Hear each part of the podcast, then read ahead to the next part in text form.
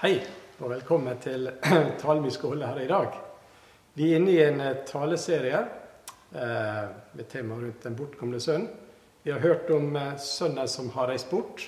Vi har hørt om den hjemmeværende sønnen. Og i dag skal vi ta for oss Faderen, han som er hjemme og tar imot den sønnen som har vært borte, og også samtale med den sønnen som er hjemme. Vi skal eh, dykke litt inn i eh, et eh, bilde som Rembrandt malte på dette temaet. Det har også vært eh, omtalt tidligere på de to forrige gudstjenestene. I dag skal vi ha fokus på faren, og hvordan han uh, fremtrer i bildet og i fortellinga fra Det nye testamentet. Rembrandt har valgt å male faren som en nesten blind mann. En som har Guds kjærlighet i hjertet. Og det noen av de malerne som forteller at det er, det er de som er blind, som ser med hjertet, som virkelig kan se ut. Det kan også være vel så fin eh, tittel på eh, denne eh, lignelsen fra Bibelen å kalle lignelsen om farens kjærlighet. Faren viser en uendelig barmhjertighet, en betingelsesløs kjærlighet og en evigvarende tilgivelse, slik som det, vi forstår det ut fra lignelsen i Bibelen.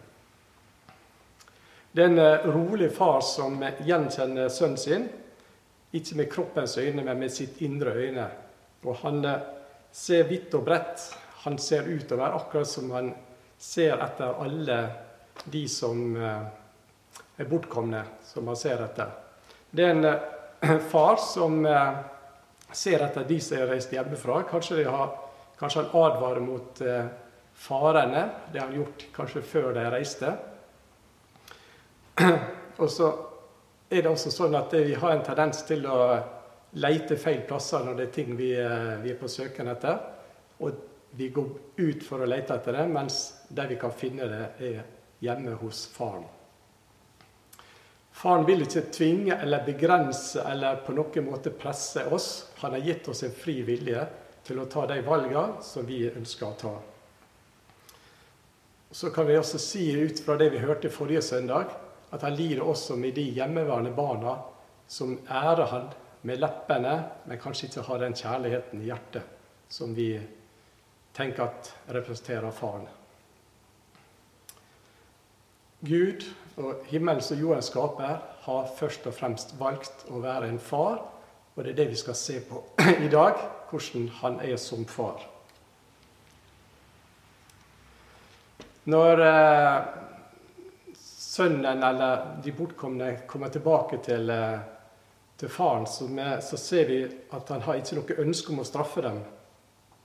De er egentlig allerede straffa nok med den villfarelsen og det de har gjort når de har reist bort. og Det kom også tydelig frem i den eh, lignelsen vi, vi skal dele nå om en liten stund. Det er virkelig sentrum i eh, maleriet til Rembrandt. Det er hendene til eh, Faren. Og de er Guds hender. Det er det Gud du ser, representert med faren her i bildet. Men det er også mine foreldre, det er lærere, venner, sjelesørgere. Ja, alle Gud har gitt meg for å minne meg om hvor trygt jeg beholdt. Hvor trygt jeg har det. Hvis du ser på bildet, så er det forskjell på hendene. Det er en feminin høyre hånd, som viser moren sitt kjærtegn og trøst. Og så er det en maskulin venstre hånd som holder sønnen i et trygt grep. Og så er det også ei stor kappe på bildet som favner hvitt, og som legger seg over sønnen. Og Det kan vi tenke på, som det står i Matteus 23, hvor ofte vil jeg ikke samle barna dine, som en høne samler kyllingene under vingene. Nå skal vi eh, høre den teksten på lignelsen som vi skal snakke om i dag. Jeg skal da ta og lese fra evangeliet etter Lukas, fra kapittel 15 og fra vers 11 og utover. Jesus sa en mann hadde to sønner. Den yngste sa til faren, 'Far, gi meg den delen av formuen som faller på meg. Han skiftet da sin eiendom mellom dem, og ikke mange dager etter solgte den yngste sønnen alt sitt og dro til et land langt borte. Der sløste han bort formuen sin i et vilt liv. Men da han hadde satt alt over styr, kom det en svær hungersnød over landet, og han begynte å lide nød. Da gikk han og søkte tilhold hos en av innbyggerne der i landet, og mannen sendte ham ut på markene sine for å passe grisene. Han ønsket bare å få mette seg med de belgfruktene som grisene åt, og ingen ga ham noe. Da kom han til seg selv og sa, Hvor mange leiekarer hjemme hos min far har ikke mat i overflod, mens jeg går her og sulter i hjel? Jeg vil bryte opp og gå til min far og si, Far, jeg har syndet mot himmelen og mot deg. Jeg fortjener ikke lenger å være sønnen din, men la meg få være som en av leiekarene dine. Dermed brøt han opp og dro hjem til faren. Da han ennå var langt borte, fikk faren se ham, og han fikk inderlig medfølelse med ham. Han løp sønnen i møte, kastet seg om halsen på ham og kysset ham. Sønnen sa, 'Far, jeg har syndet mot himmelen og mot deg.' 'Jeg fortjener ikke lenger å være sønnen din.' Men faren sa til tjenerne sine, 'Skynd dere, finn fram de fineste klærne og ta dem på ham.' 'Gi ham ring på fingeren og sko på føttene.' 'Og hent gjøkalven og slakt den.' Så vil vi spise og holde fest. For denne sønnen min var død og er blitt levende. Han var kommet bort og har funnet igjen. Og så begynte festen og gleden. Imens var den eldste sønnen ute på markene. Da han gikk hjemover og nærmet seg gården, hørte han spill og dans. Han ropte beina karen og spurte hva som var på ferde.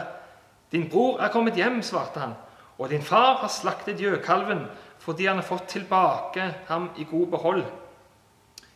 Da ble han sint og ville ikke gå inn. Og faren kom ut og prøvde å overtale ham, men han svarte faren, 'Her har jeg tjent deg i alle år, og aldri har jeg gjort deg imot ditt bud.' 'Men meg har du ikke engang gitt et skje, så jeg kunne holde fest med vennene mine.' 'Men straks denne sønnen din kommer igjen, han som har sløst bort pengene dine sammen med horer, da slakter gjøkalven for ham.' Faren sa til ham, 'Barnet mitt, du er alltid hos meg, og alt mitt er ditt.' Men nå må vi holde fest og være glade, for denne broren din var død og har blitt levende. Han var kommet bort og er funnet igjen. Slik lyder Herrens ord. Ja, nå har vi eh, hørt bibeltekster for i dag. Og det, det vi får ut av den sånn umiddelbart, er at en far som lengter og ser etter sønnen sin. Og Det er vel noe vi som er foreldre kan eh, kjenne på innimellom, at også gjelder veldig mange andre enn eh, faren i denne fortellinga. Han lengter, han lurer på hvor han har blitt av. Han ser etter han, speider ut, og når han får eh, øye på han, så springer han i møte med full energi kaster seg rundt halsen på han, og jeg eh, tror det feller noen tårer i lag der. I første Mosebok, kapittel 33, så har vi en parallellhistorie som eh, minner oss mye om det her. Og det er ikke hvilken som helst person. Det er Jakob, en av stamfedrene til eh, Israel. Han var som sagt en luring og greide det kunststykket å seg både førstefødselsretten og velsignelsen fra bror sin Esau. Det eh, var ikke uten omkostninger. Han ble naturlig nok redd for bror sin, som ikke likte dette her noe særlig godt, og flykta til et land langt borte. Eh, det var egentlig mora hans som anbefalte han å reise dit. Så, eh, og der traff han den, det som ble kona hans, Rakel. Og, eh, og, han hadde litt anstrengt forhold til svigerfar sin, Laban. som gjorde at de lurte litt hverandre sånn om hverandre, og eh, han ble værende ganske mange år. Men eh, etter noen tiår så bestemte han seg for å reise hjem igjen til hjemlandet sitt. Så hadde med seg hele sitt følge med kone og barn og buskap. Men han var jo fremdeles redd for bror sin, Esau, slik at han eh, var jo i veldig tvil om hvordan dette skulle gå, så for å blidgjøre Esau så sendte han foran seg både eh, tjenere med, med, dyr som han skulle gi til han, og, eh, og kone og barn før han turte å komme sjøl.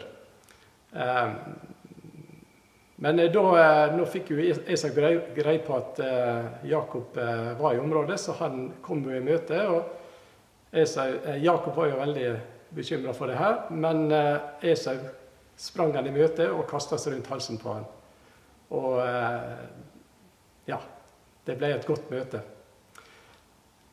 Også Jakob han var jo fremdeles litt bekymra, så han ville jo tilby alle disse her dyra og eh, det han hadde forberedt som gaver til Esau. Men eh, nei, Esau ville ikke ha det.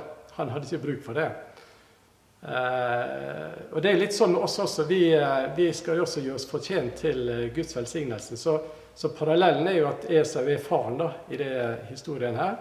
Og Jakob, som har vært bortreist og gjort en del gale, han eh, får komme hjem igjen og bli godt mottatt. Så jeg syns det, det, er fint å se. Her er flere historier i Bibelen som, eh, som peker i retning av en, en, god far å komme til. Personlig så har jeg også en historie å dele fra eh, Ålesund.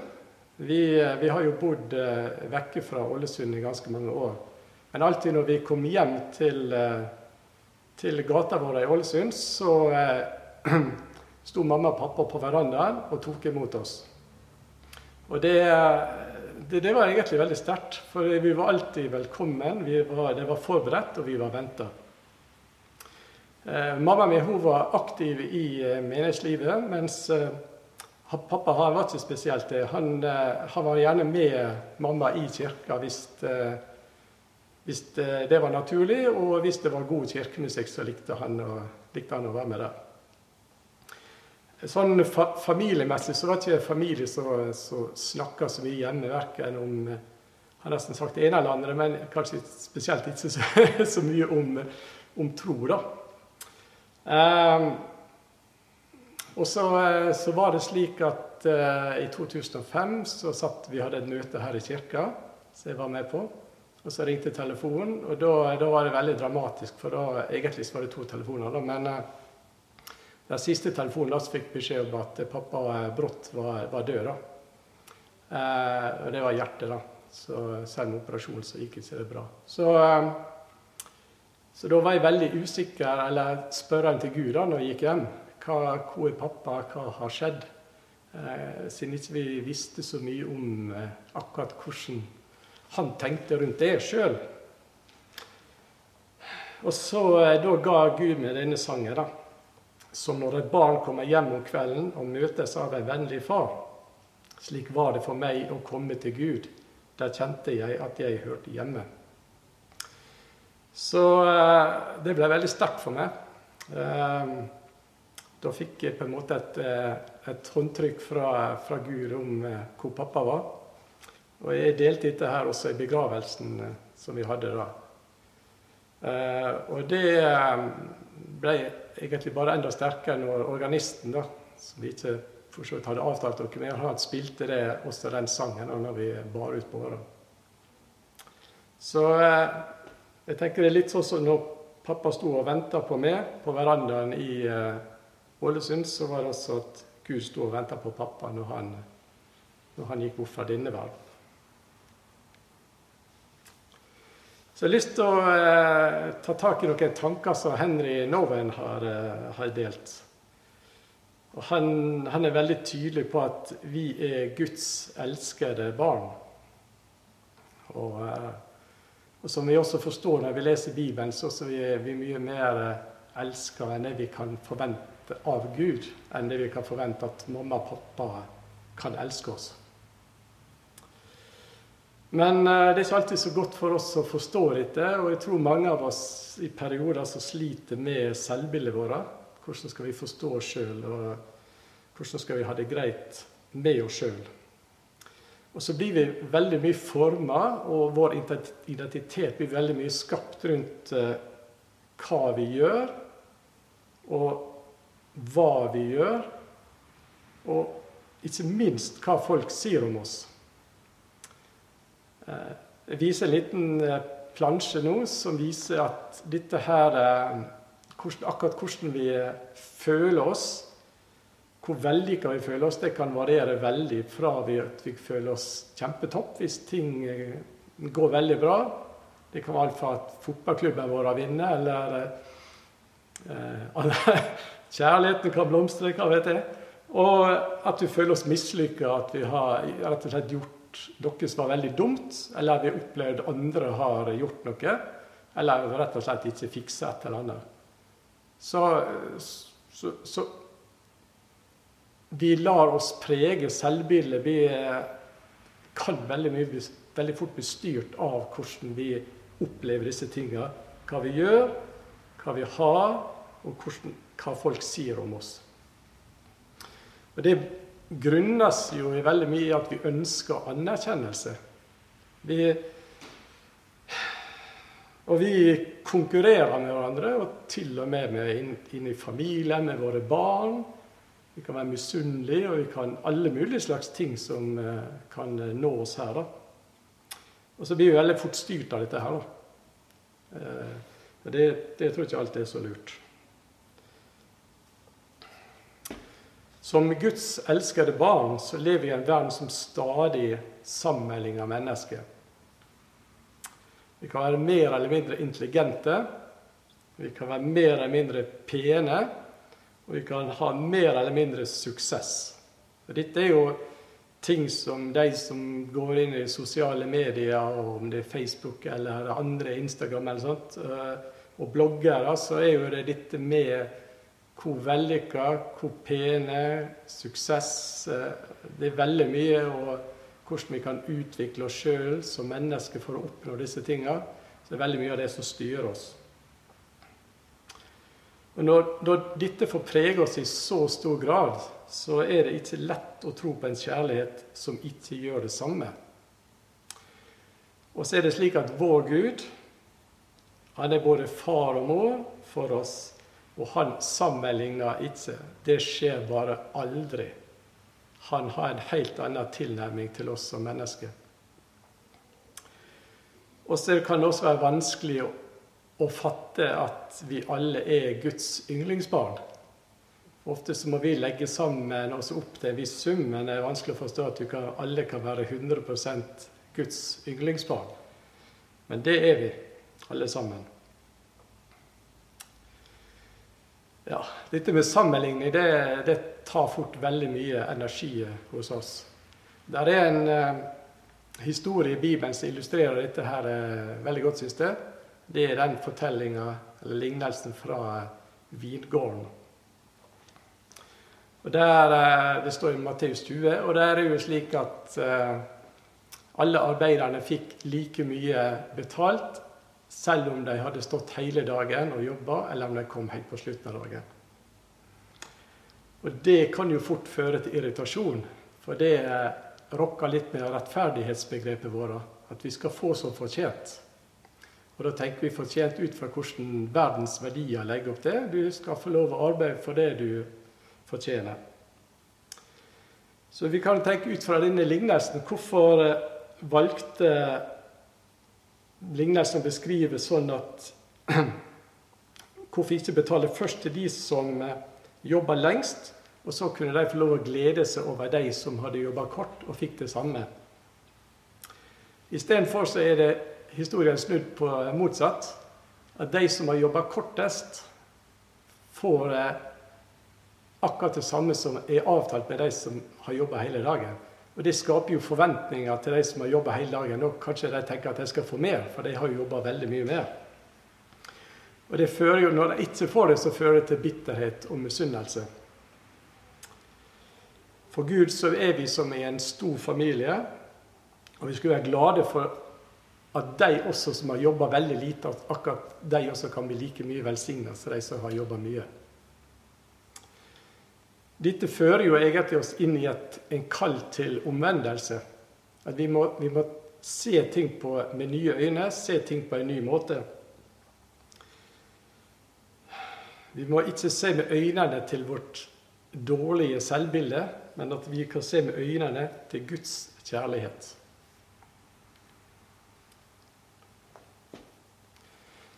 Og så er det sånn at jeg ikke har valgt Gud, men det er Gud som først og fremst har valgt meg.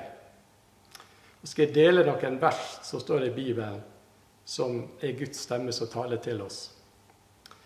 Fra all evighet er vi skjult i skyggen av Guds hånd. Jesajas 51.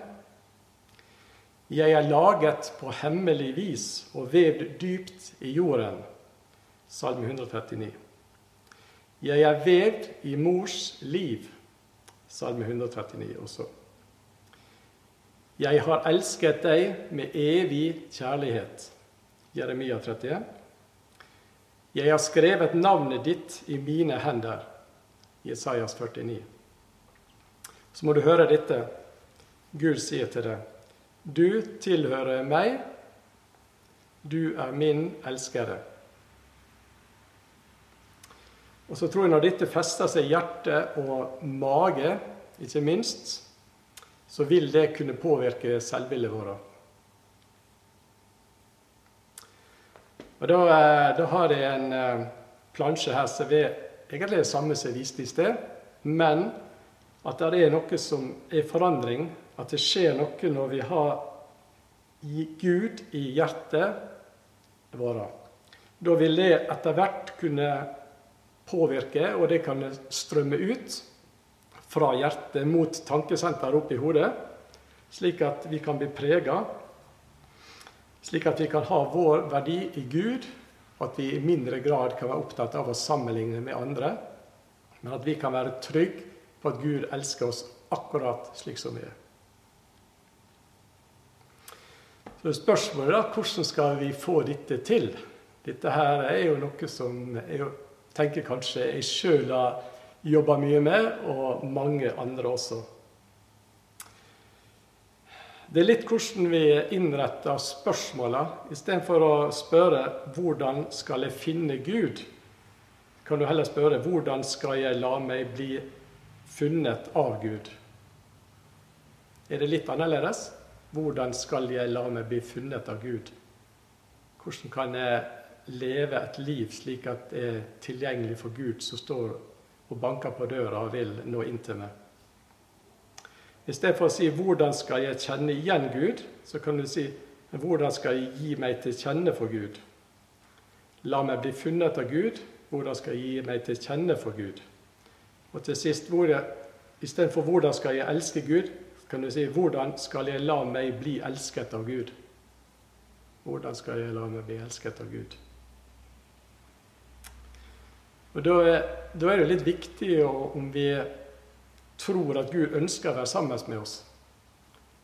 Vi, tror vi at vi er så ubetydelige eller uviktige at Gud ikke er interessert i oss? Eller tror vi faktisk at Gud ønsker å være sammen med oss? Dette er jo litt av kjerna i den åndelige kampen vi må, må føre. Kampen mot altså, Det går igjen på selve selvforakt. Tror vi hva tror vi om oss sjøl?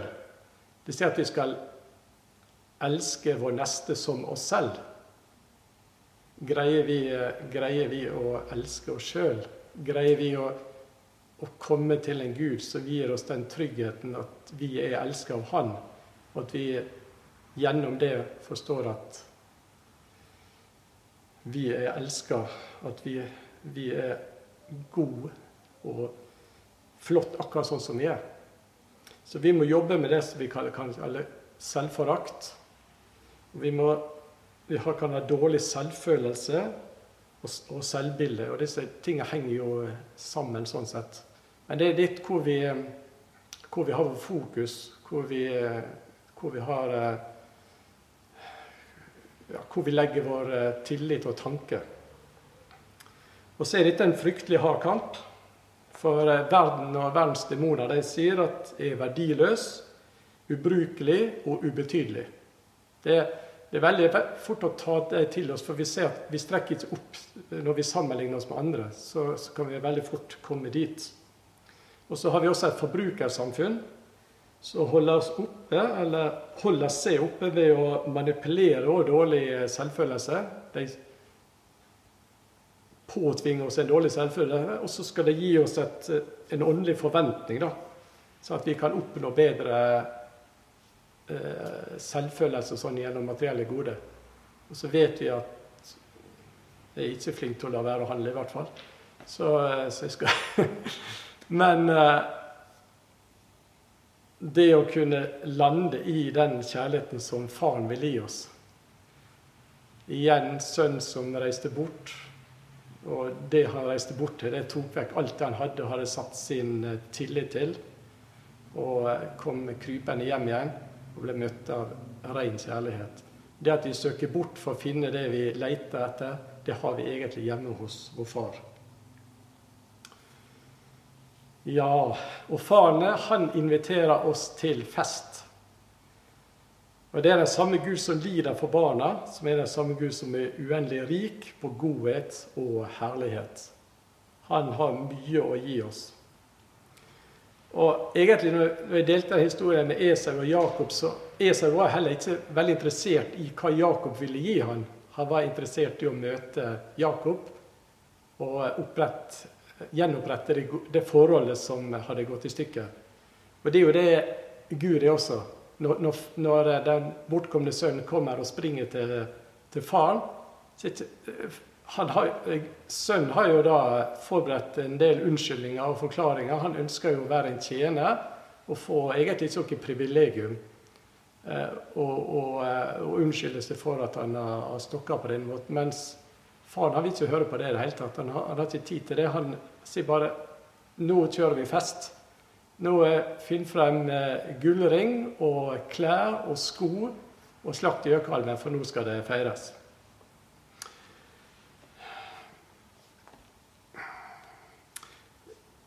Vi leser flere historier i eh, Det nye testamentet om at himmelen sammenlignes med en bryllupsfest.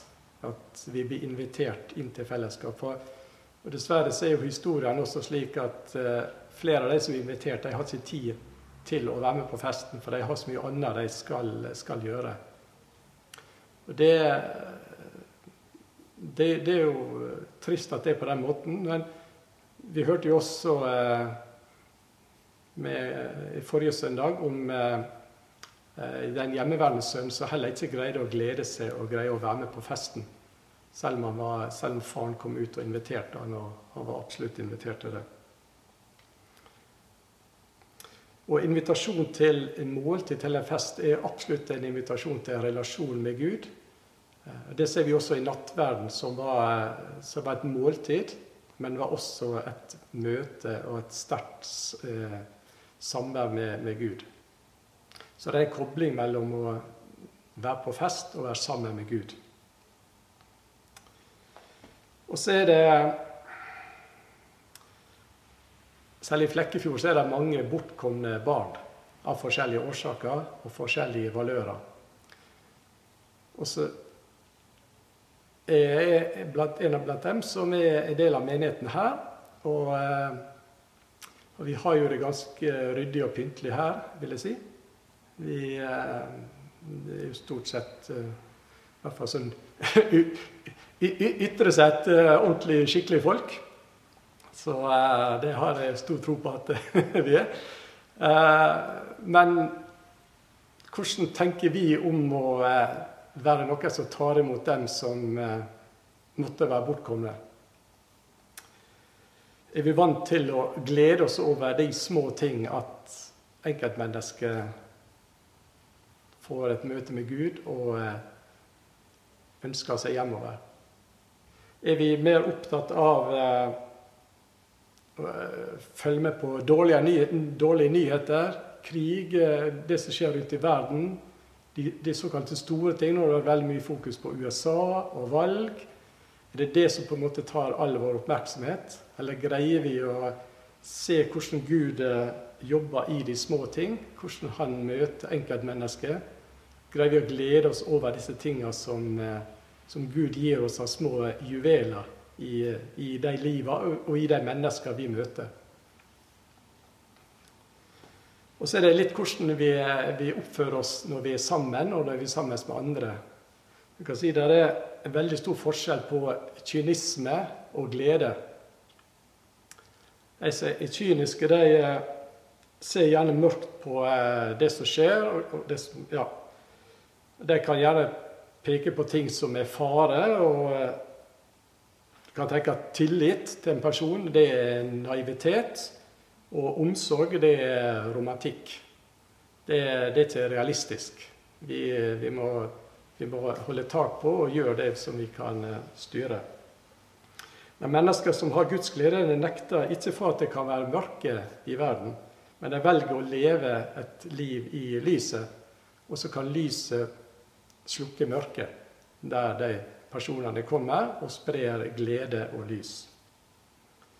Så vi skal tenke på at hvert ord vi deler, det kan være kynisk, eller det kan spre glede. Så vi, vi, har et valg alle sammen på hvordan vi vil eh, dele livet vårt med andre. Om vi ønsker å være kynisk, eller om vi ønsker å dele glede. Ja, hvordan kan vi bli faren? Det er jo, det er jo egentlig det ultimate i den uh, fortellinga her som Jesus gir. At vi er alle kalt til å bli faren. Og det er veldig mye av Jesus' undervisning går på at vi skal bli den som står og tar imot. For det, Jeg vet ikke hvordan du har det, men eh, det er veldig fort at vi blir prega av grådighet eller sinne. At vi kan kjenne på begjær og bitterhet. Eller vi kan lettsindighet eller sjalusi. Dette her er følelser som vi alle kan eh, ta tak i oss fra tid til annen. Men ønsker jeg virkelig å bli lik faren, den som tilgir, og den som ønsker velkommen, og den som gir kjærlighet. Våger jeg å strekke ut hendene og eh, velsigne? Den mannen tar imot syndere og spiser med dem. Det var ikke lett for Jesus heller. Han ble anklaga for å være sammen med feil personer. Så om Gud ønsker syndere velkommen, så må også vi som kaller oss kristne, kunne gjøre det. Så åndelig farskap det er ikke makt og kontroll, men det er et barmhjertig farskap.